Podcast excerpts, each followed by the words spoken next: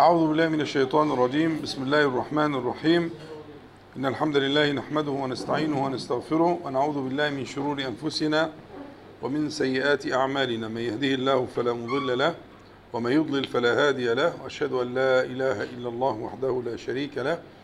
وأشهد أن محمدا عبده ورسوله. اللهم صل على محمد النبي وأزواجه أمهات المؤمنين وذريته وأهل بيته. كما صليت على آل إبراهيم إنك حميد مجيد. أما بعد فلقاؤنا الليلة متعلق بوظيفة الزمان بوظيفة الحج. وعنوان الكتاب الذي نقرأه وهو في حقيقته تفريغ للشرائط التي كانت في دروس الحج. عنوانها الوفادة إلى الله كأنك تراه. الوفادة إلى الله يعني الحج والعمرة.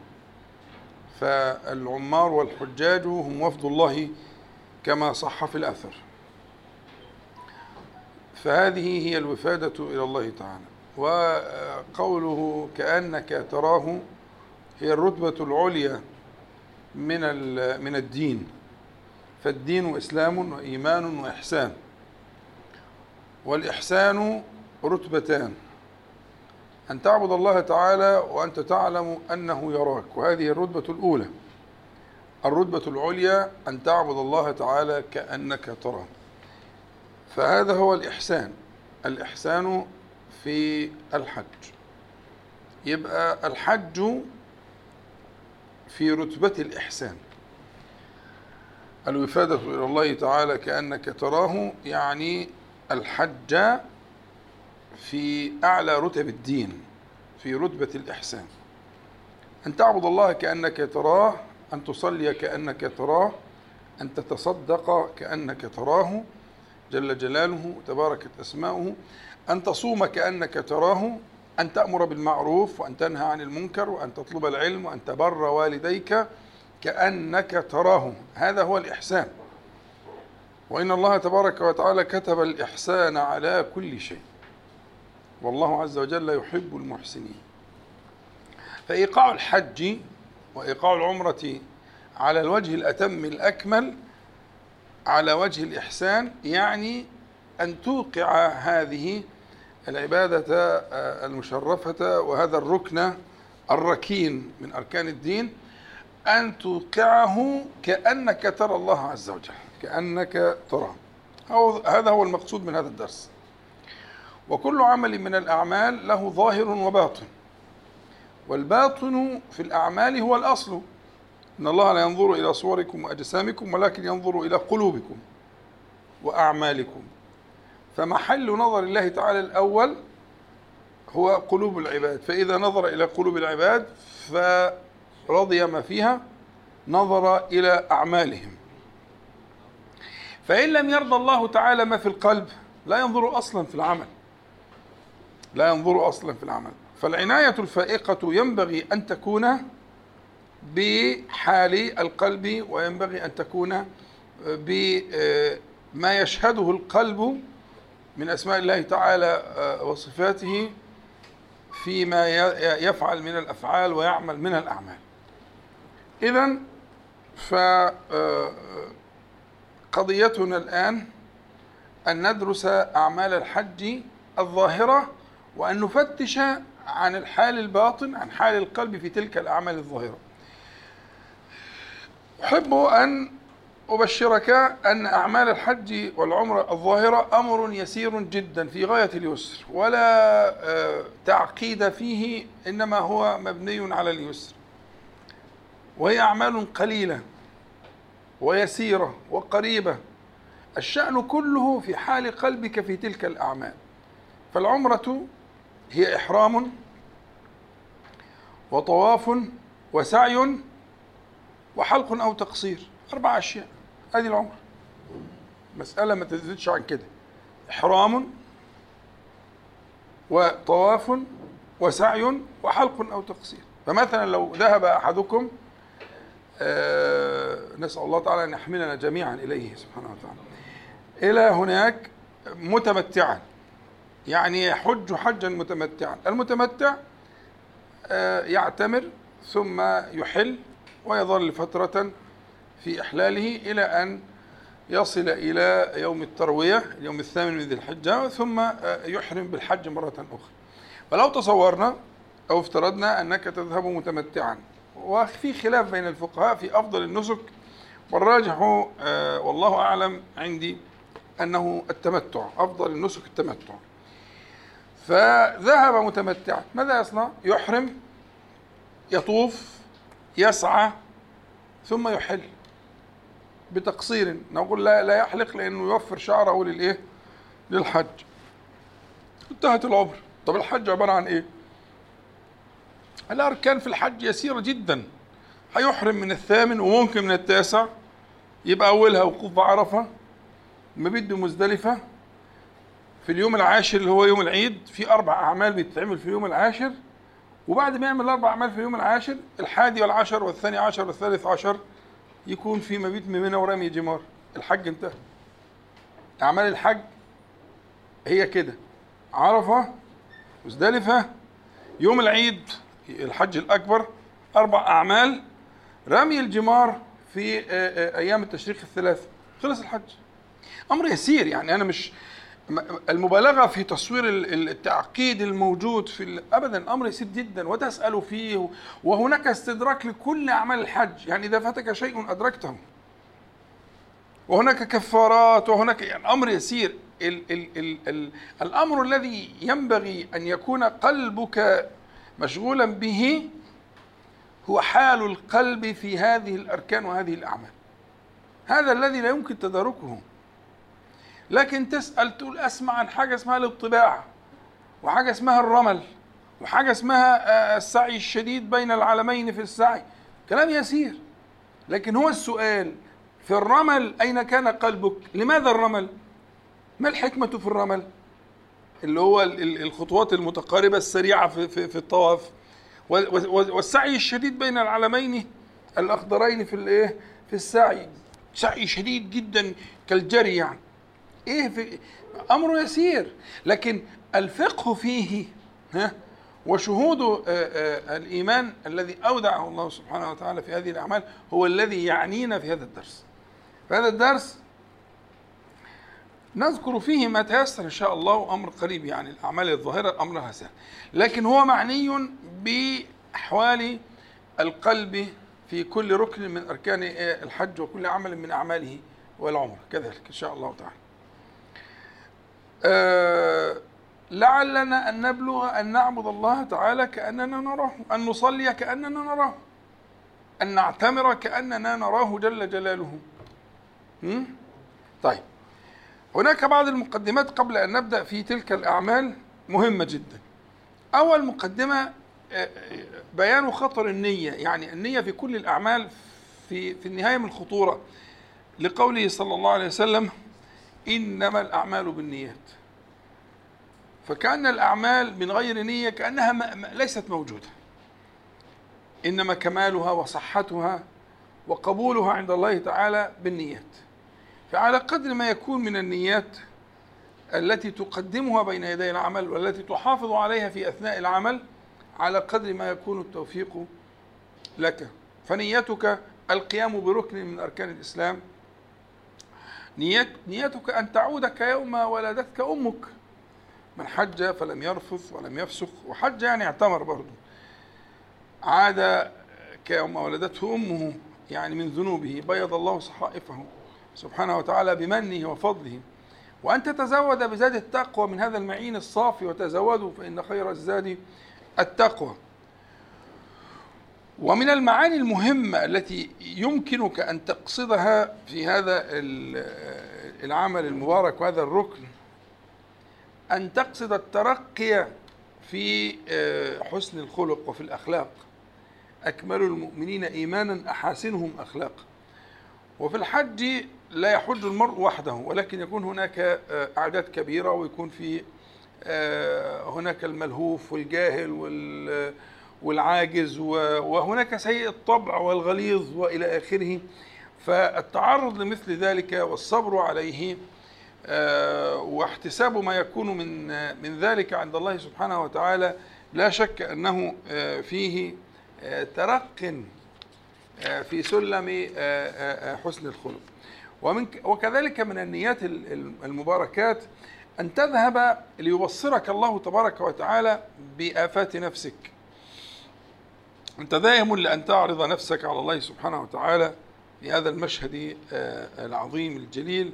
فلعل الله سبحانه وتعالى أن يأخذ بيديك فأن يبصرك آه، بما يكون من العيوب ومن الآفات الدفينة آه، التي قد تحجزك عن آه، شهود أسماء الله تعالى وصفاته وعن الحضور في التعبدات وفي الذكر فترجو أو تقصد بهذا العمل المبارك أن يبين الله سبحانه وتعالى لك ما خفي عنك من من من عيوب نفسك ومن آه، آفاتها وأن تنال بركة الزمان والمكان وهو أعظم الزمان بركة وأعظم المكان بركة بلا خلاف. أعظم المكان بركة آه، في أرض الله تعالى هو هذا الموضع المبارك. هو بيت الله تعالى الحرام وبلده الحرام. وبعده حرم نبيه صلى الله عليه وآله وسلم. فالبركة هنا بركة مضاعفة. بركة مضاعفة. بركة في الزمان ما من أيام العمل الصالح فيها أحب إلى الله تعالى من العشر. فهو أشرف زمان في العمل وهو أشرف مكان آه، في القرب من الله تبارك وتعالى فبركات فوق بركات. والبركة معناها زيادة ومضاعفة في في الشيء بالله تعالى من غير أسباب ظاهرة. فيبقى في بركة في الصحة بركة في العلم بركة في الذرية بركة في المال بركة آه، في الفهم عن الله سبحانه وتعالى إلى آخره. آه، ومن المعاني المهمة التي يمكن أن تستحضرها وأن تذهب إلى هناك أن آه، نفسك التي بين جنبيك قد أعيتك. أعيتك يعني أجهدتك وطالما آه، آه، أوردتك الموارد وأوقعتك آه، في فيما تعلم وما لا تعلم. فكأنك قد أمسكت بها كالشرطي الذي أمسك بالجاني وذهب به إلى ملك الملوك سبحانه وتعالى فتذهب بها بتلك النفس التي أعيتك وأجهدتك من ضعفها وشهوتها. تذهب بها إلى ملك الملوك وتقول أعيتني هذه النفس من شهوتها وضعفها ومن سوء ظنها. أنت وليها ومولاها. فكأنك تذهب بها لطبيبها. أنك تذهب بها لطبيبها فالذاهب إلى هناك كأنه يستصحب هذا الجاني معه هذه النفس يستصحبها إليه سبحانه وتعالى ليداويها ولا يداويها غيره سبحانه وتعالى. من المقدمات المهمة بعد القضية ولك أن تتوسع في النيات. أنا أضرب لك أمثلة يعني هذه الذي قلت لك هي أمثلة للنيات لكن لك أن تتوسع وتتوسع في مقاصدك. وحبذا من البداية إلا إن شاء الله ربنا هيشرفه ويذهب إلى هناك إن هو يدون هذه الأشياء يبقى معاه ورق آه، يعني يدون فيها مقاصده ينون فيها مطالبه كما سأبين إن شاء الله تعالى. يبقى معاه مجموعة دواوين ورقة صغيرة كده كراس صغير يكتب فيه أول ما يكتب يكتب النيات اللي إحنا قلناها أو يزود. على ما يفتح الله تعالى. أنت رايح ليه؟ لماذا تذهب إلى هناك؟ لماذا تذهب إلى الله تعالى في في حرمه وأرضه وبيته؟ لماذا؟ واحد اثنين ثلاثة أربعة تكتب. فتستحضر النيات. وجود النيات دي معاك باستمرار تطلعها وتنظر فيها تجددها وتعقدها وتناجي الله تعالى بها. مفهوم؟ صلوا على حضرة النبي صلى الله عليه وسلم. حلو جدا. آه، الحاجة الثانية المهمة كمقدمة لتلك المقدمات أن نعلم معنى كلمة الحج. الحج في كلام العرب مداره على المادة يعني مدار اللغة أن أن يكون فيه آه، تجوف كهفي صلب فيه ضعيف يحميه. دي كلمة الحج. ولذلك يقولون حجاج العين. عارفين حجاج العين اللي هو الإيه؟ التجويف العظمي اللي جواه كرة العين. يسمونه حجاج العين. فهو آه، آه، مادة وجود الايه وجود تجوف صلب قوي ها يحمي ضعيفا في داخله هو ده الحج. دي كلمة حاجاج المادة دي مدارها على ذلك. و آه، حج البيت يعني قصده يعني قصد البيت المعظم أن يقصده المرء وأن يزوره وأن يدخل في حوزته وأن يدخل في أمانه وفي آه، فهذا ضعيف قد ذهب إلى هذا المأمن. فالذي يحج في الحقيقة يستحضر هذا المعنى هو الدخول في حمى في حمى الله تعالى. لذلك الحج ترجمته اللغوية معناه الذهاب إلى الحمى. فيبقى نستحضر هذا المعنى أن الذي يحج الذي يذهب إلى الله تعالى إنما يذهب إلى الحمى لأن الحج مادة هي إيه؟ شيء صلب آه، آه، آه، قوي كحجاج العين يحمي ضعيفا في داخله. فيدخل ولذلك ربنا سبحانه وتعالى يقول ومن دخله كان آمنا. هي نفس الفكرة. هنا الدخول في حمى الله تبارك وتعالى. وده طبعا قريب جدا من الحديث النبي صلى الله عليه وسلم إن النبي عليه الصلاة والسلام قال لهم المؤمنين رضي الله عنها السيده عائشة في الحديث الصحيح اللي موجود في الصحيحين وفي غيرهما أنه قال لأم المؤمنين عائشة رضي الله عنها يا عائشة لولا أن قومك حديث عهد آه، بشرك لهدمت الكعبة فألزقتها بالأرض. هو لم يفعل لكنه كان يخشى من الرد الفعل من آه، حداثة عهدهم بالإيه؟ آه. لهدمت الكعبة الكعبة فألزقتها بالأرض ثم لبنيتها على أساس إبراهيم لأن قريش بنتها آه، قصرت بها النفقة فبنتها على قواعد إبراهيم على آه، آه، ناحيتين فقط. على ناحيتين فقط. وما بقي لم تبنه فصار مكشوفا اللي هو الحجر. فالحجر هو جزء من الكعبة ولكن لم يدخل في البناء. فالداخل في الحجر هو في الحقيقة داخل في الإيه؟ في الكعبة. ولا يزال الحجر مفتوحا فمن دخل لذلك النبي صلى الله عليه وسلم كان بيقول لأم المؤمنين ثم لنا بنيتها على أساس إبراهيم وجعلت لها بابين بابا شرقيا يدخل آه، الناس منه وبابا غربيا يخرجون آه، منه. إلى آخر الحديث. فكان يلصقها بالأرض لأن قريش عشان تخليها وضع يعني لها كان معلين الباب قوي عشان ما حدش يوصل للباب إلا بسلم. ده الوضع القائم دلوقتي. لكن إرادة النبي صلى الله عليه وسلم أن يهدمها وأن يلصقها بالأرض وأن يبنيها على قواعد إبراهيم الأربعة وأن يجعل لها بابين بابا شرقيا وبابا غربيا. بابا شرقيا يدخل الناس منه وبابا غربيا منه يخرجون. لكنه لم يفعل. وبالتالي فكرة دخول الكعبة كانت جزءا من الإيه؟ من العمل. يعني فكرة دخول الحج معناه دخول في الحمى والدخول في الكعبة أصلا عمل مشروع. والحمد لله أن الباب لا يزال مفتوحا بفتح الحجر. فإذا ذهبت فليكن من من عنوانك أو من قصدك الذهاب إلى الحمى. تحتمي بالله تعالى. تحتمي من ماذا؟ مش اللي بيحتمي ده بيحتمي مما يخاف منه مما يحضر مش كده؟ آه تحتمي من ماذا؟ تحتمي من أعدائك الثلاث. أعدائك الثلاث.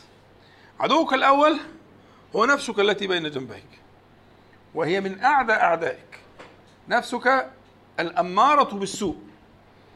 نفسك الفاجرة فألهمها فجورها. يبقى أول ما تقصد في دخول الحمى أن تحتمي من شر نفسك التي بين جنبيك.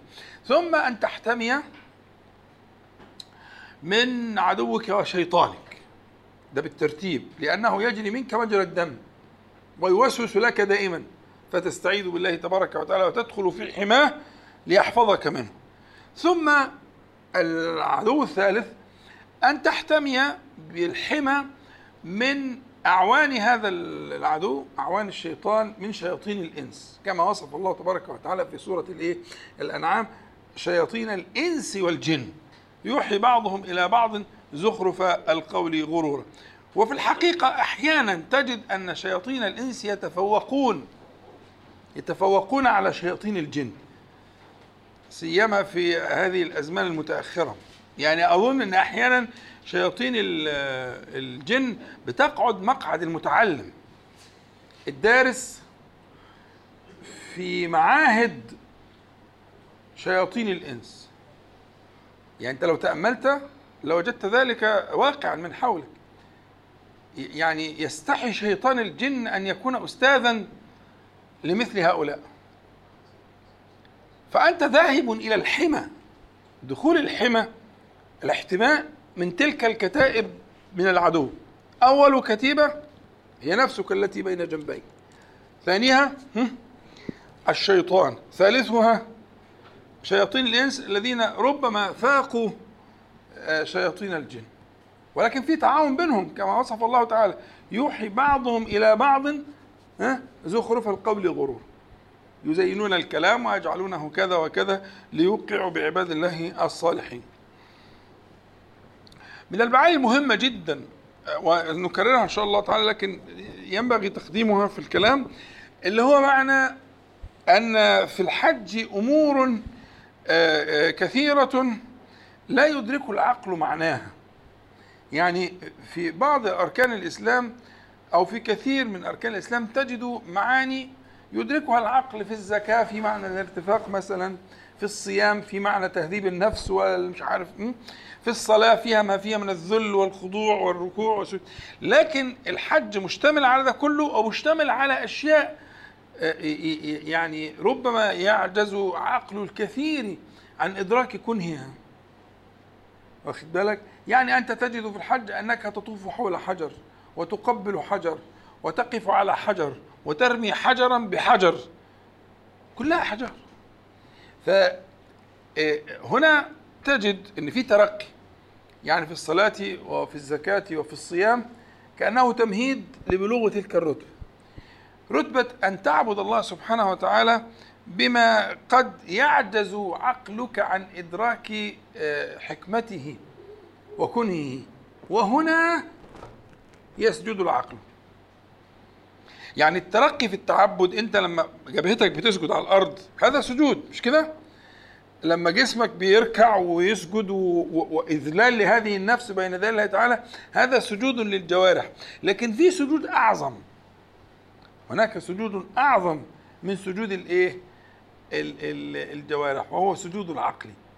أن يسجد عقلك لله تبارك وتعالى وأن تسلم لشيء قد يعجز العقل عن إدراكه كما قلت لك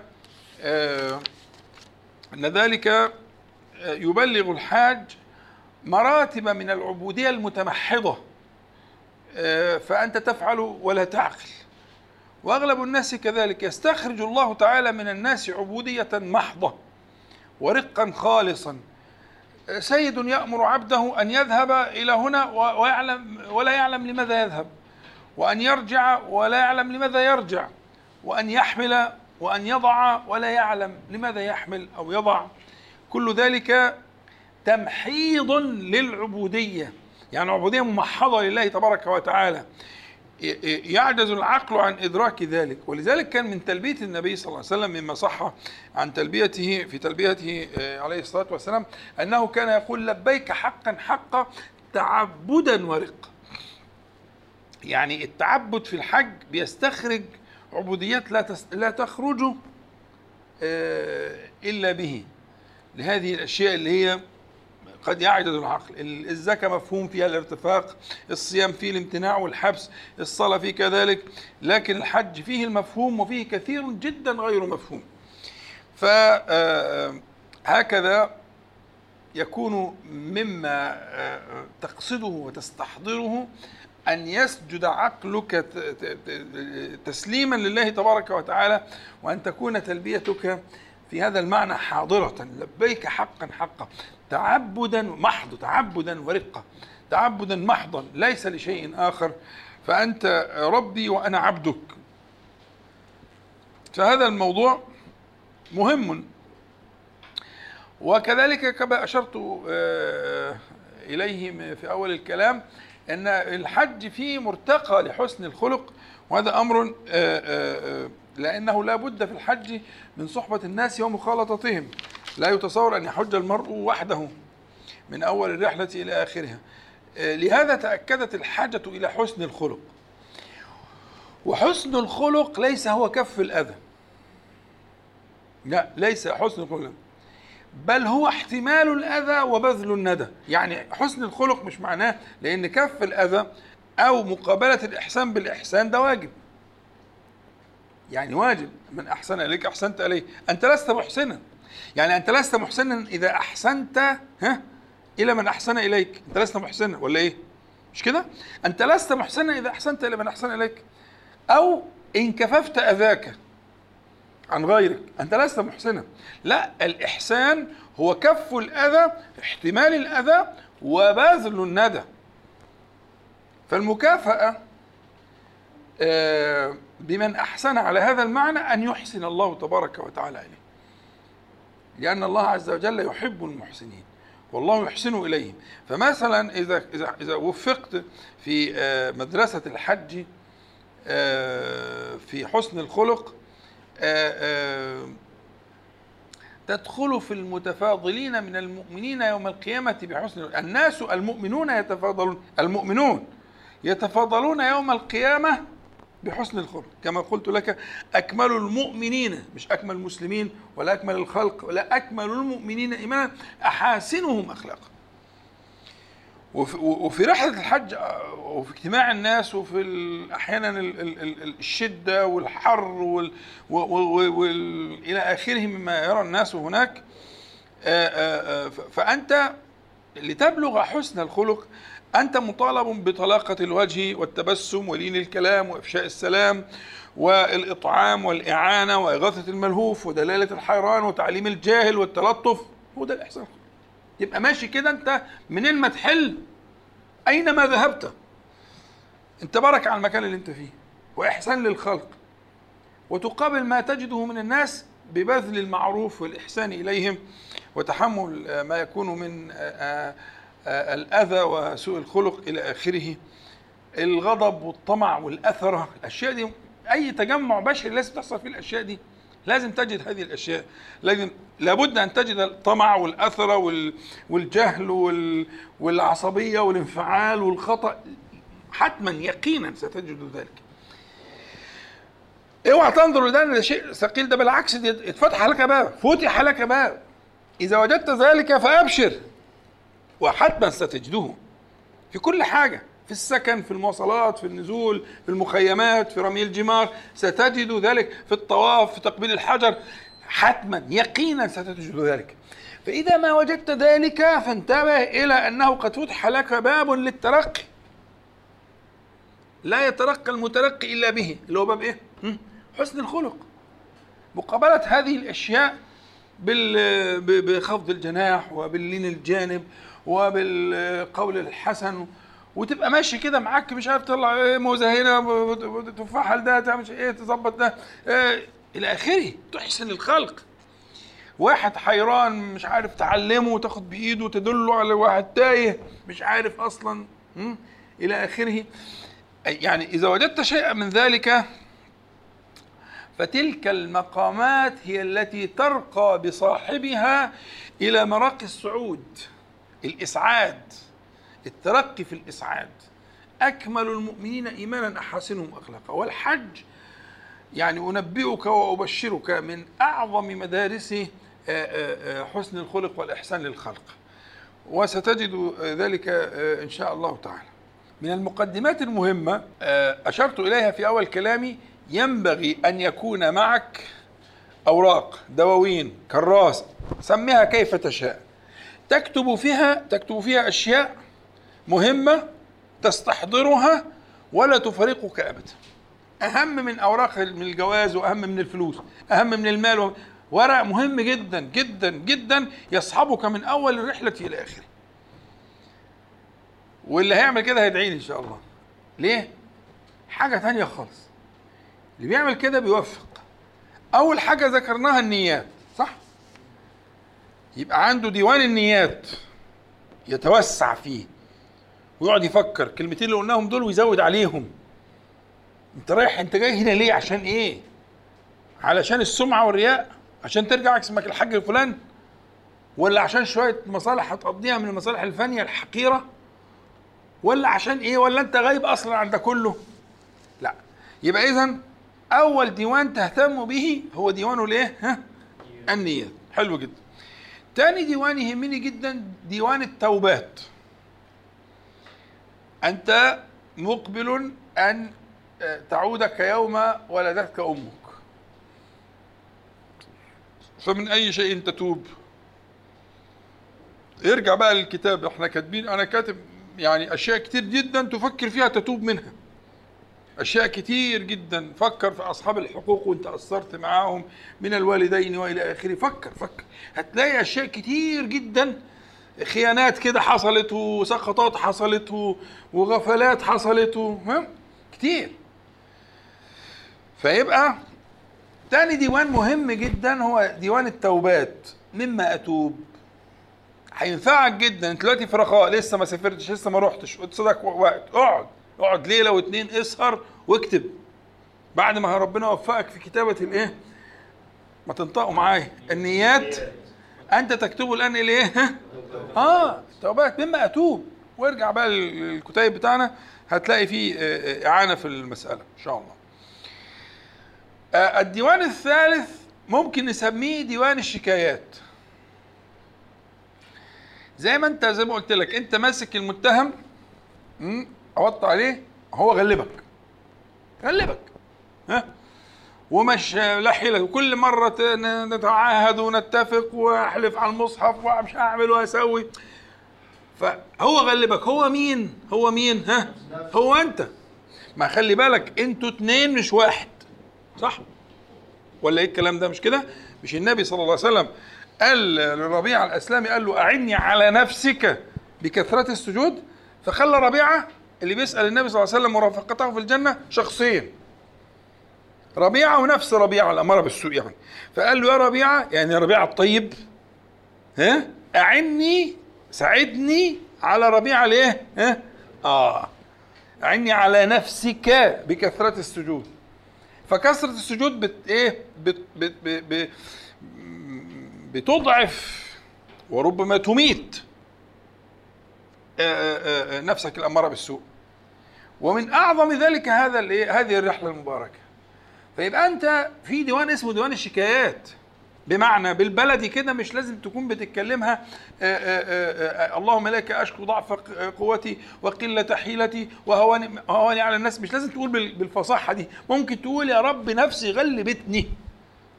كويس. اكتب كده. ما أنا ياما ونويت وعملت وفشلت ومش عارف إيه وإيه. فكأني أذهب في ديوان الشكايات اشتكي تلك النفس فرصة فتح لك الباب لأن تشتكي تلك النفس ليه؟ لأنه سبحانه وتعالى هو وليها ومولاها مش كده؟ مش النبي صلى الله عليه وسلم علمنا نقول إيه؟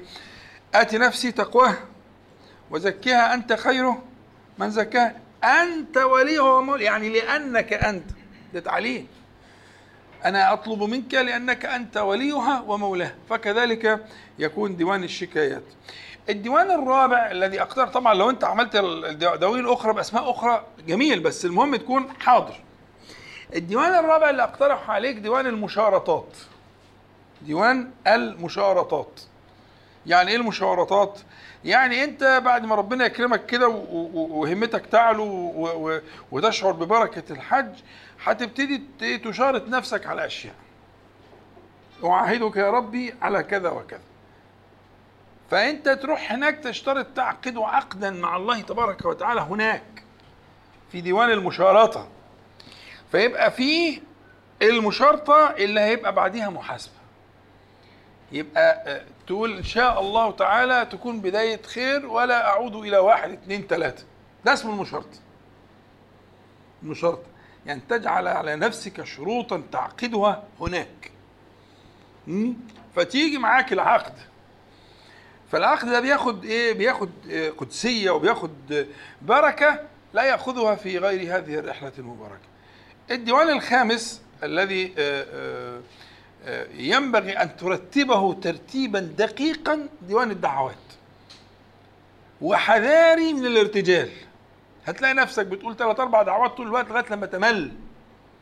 حتى تمل. ويمكن حتى لا تفقه ألفاظها.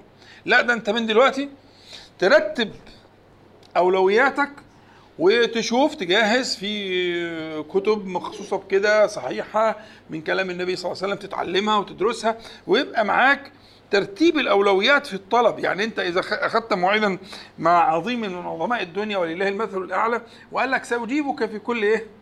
حاجاتك. بس خلي بالك ال- ال- الزيارة هتبقى خمس دقائق أو بلاش هتبقى ثلاث دقائق هتخش على عظيم من عظماء الدنيا ولله المثل الأعلى وهتكون الزيارة ثلاث دقائق فأنت طلباتك ممكن تاخد أكتر من ثلاث دقائق فهتعمل إيه؟ ها هتعملوا إيه؟ هترتب على أي أساس؟ صحيح. يعني الاشد حاجة فالذي يليه فالذي مش كده؟ نفس الكلام. انت في طلباتك وفي دعواتك وسؤالك رب العالمين سبحانه وتعالى سترتب ذلك حسب الإيه؟ حسب آه، آه، يعني مثلا في واحد هيكون مشغول جدا جدا بالصلاة على النبي صلى الله عليه وسلم. هو شايف إن دي من أجل الدعوات إن مش عايز يقدم حد على النبي عليه الصلاة والسلام. وممكن لو هو مش مجهز نفسه تغيب عنه المسألة دي. لو لو لم يعد هذا الديوان أنا بغششك على فكرة. يعني إيه إيه يعني طبعا هتقدم مين على النبي عليه الصلاة والسلام؟ في الدعاء هتقدم مين؟ من أعظم حقا عليك منه؟ ها؟ صلى الله عليه وسلم. مين؟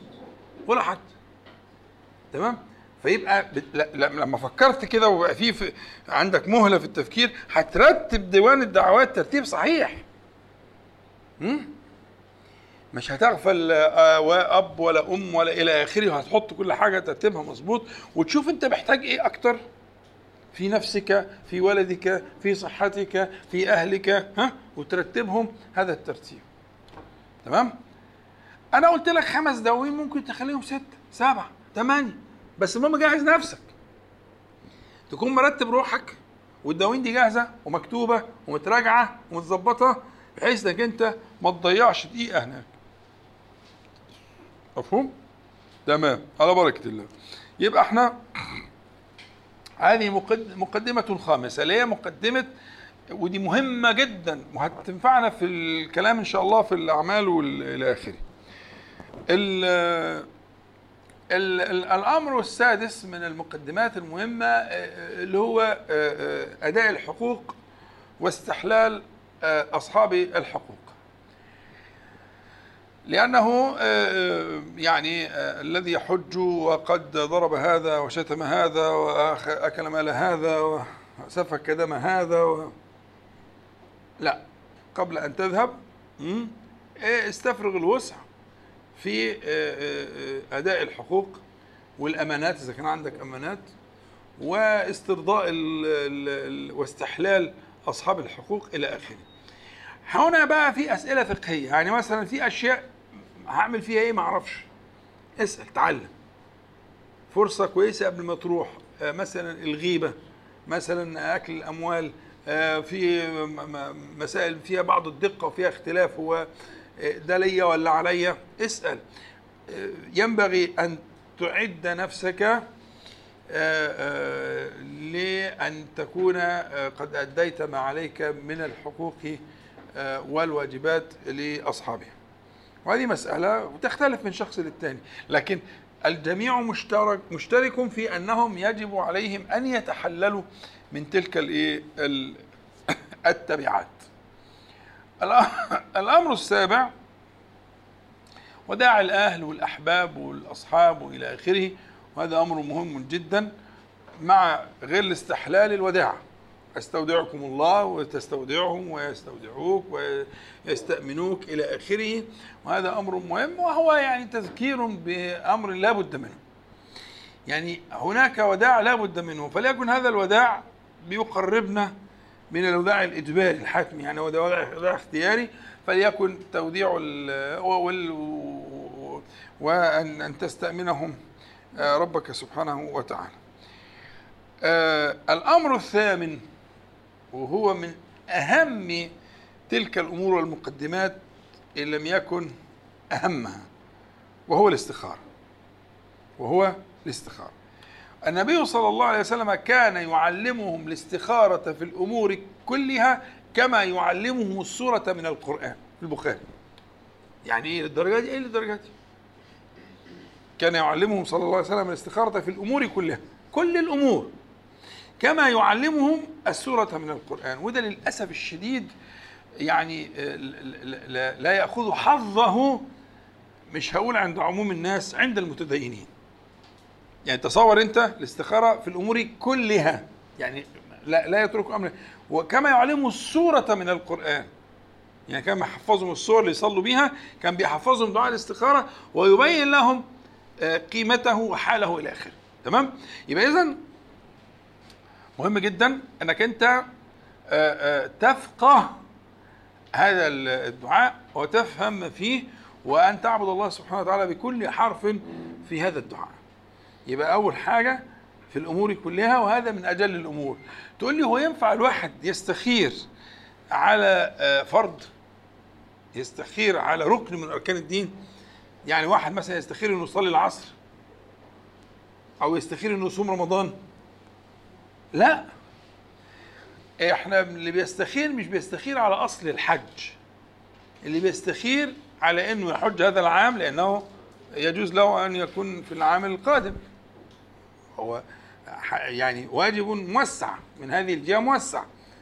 هو من جهة الموسع ومن جهة المضيق يبقى يبقى يستخير أنه يحج في هذا العام أن يحج مع هذه الصحبة بهذا الطريق بهذا المال إلى آخره يعني تفاصيل يعني. الاستخارة بتكون على التفاصيل ويستخير كثيرا ويكرر ذلك.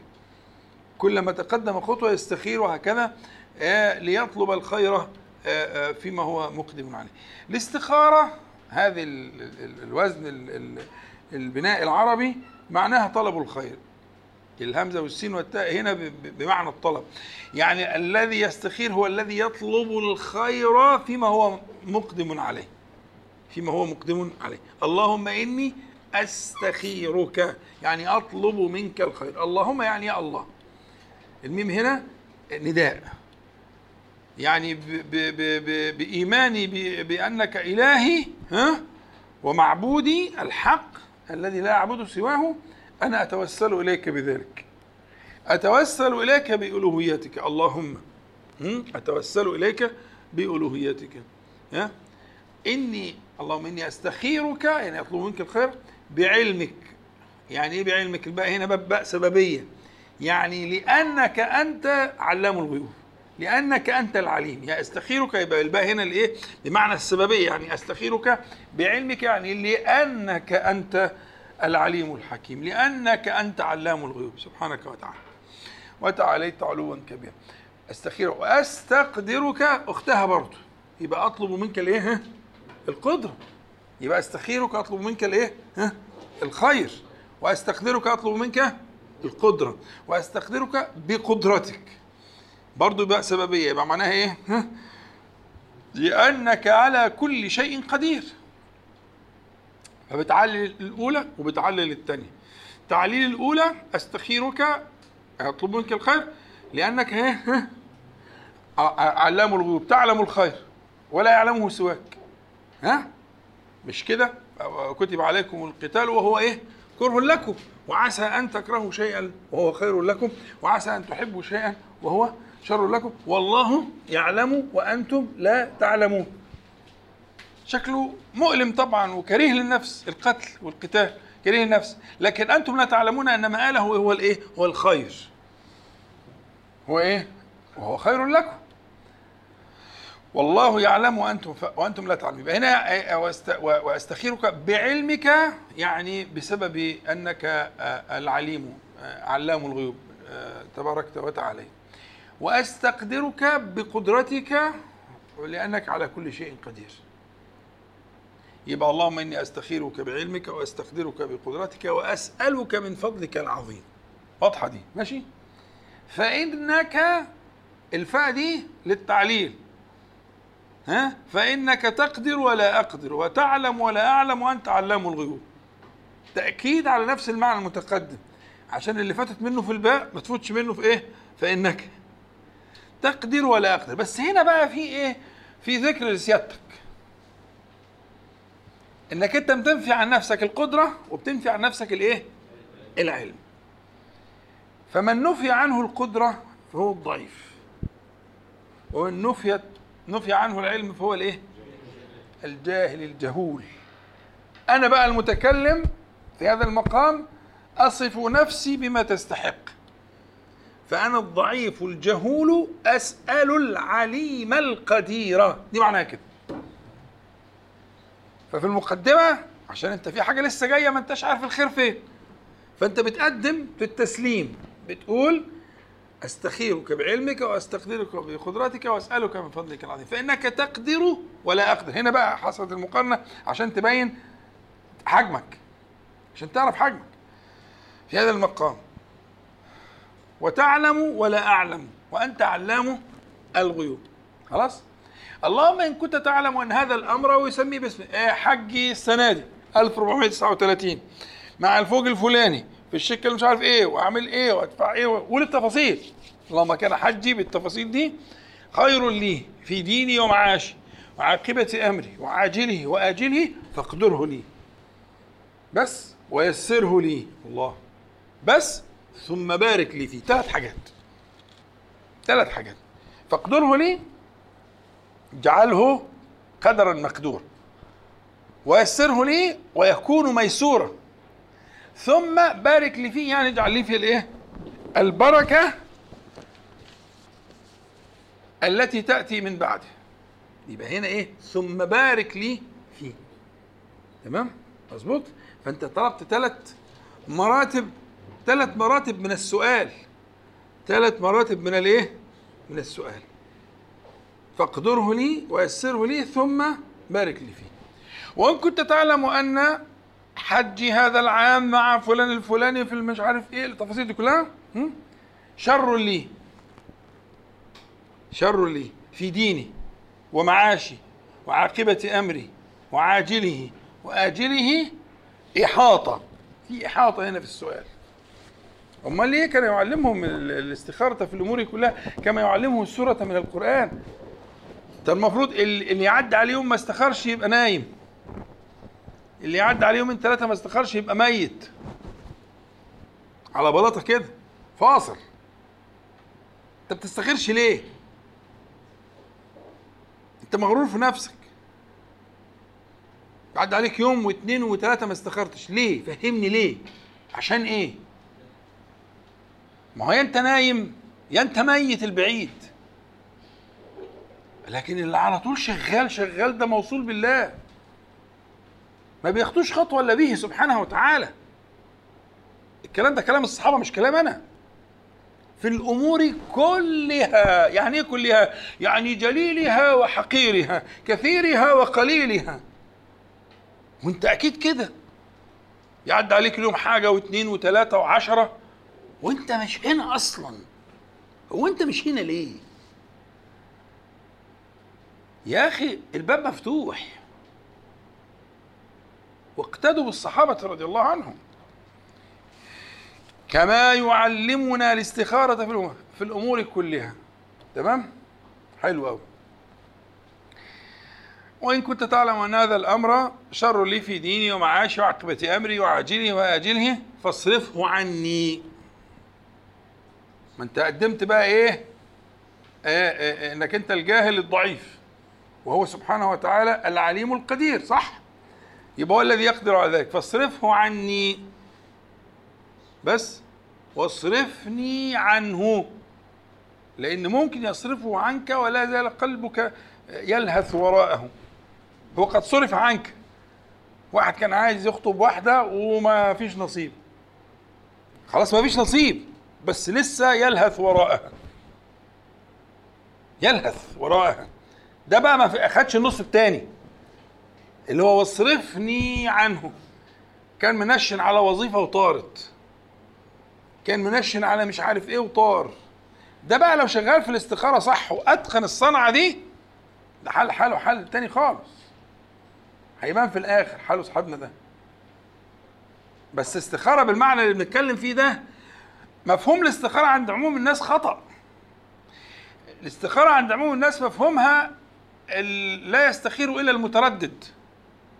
بين أمرين واللي هو ممكن يكون مستني بعد كده ما يقطع له مثلا إن هو يشوف رؤية ولا حاجة زي كده. الكلام ده خطأ. الاستخارة لا تكون في التردد لقوله صلى الله عليه وسلم إذا هم أحدكم ها بأمر مش بأمرين. ما قالش صلى الله عليه وسلم في البخاري إذا تردد أحدكم بين أمرين. مش كده؟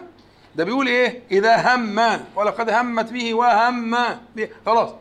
درس الموضوع وعمل دراسة جدوى وسأل ومش عارف إيه وإيه وإيه وإلى آخره. رتب الدنيا دي كلها. وخلاص ناوي بقى هيروح يدفع مش عارف إيه عشان يعمل إيه إلى آخره. يبقى إحنا بنقول إيه؟ إذا هم أحدكم بأمره. مفيش تردد. حذاري من هذا الفهم الخطأ. فهم الاستخارة على إن الاستخارة لا تكون إلا في الأمر المتردد فيه خطأ. وكانش يبقى فيش معنى لإيه؟ لقول الصحابي كان يعلمنا الاستخارة في الأمور كلها كما يعلمنا سورة من القرآن. ما تجيش بقى كده.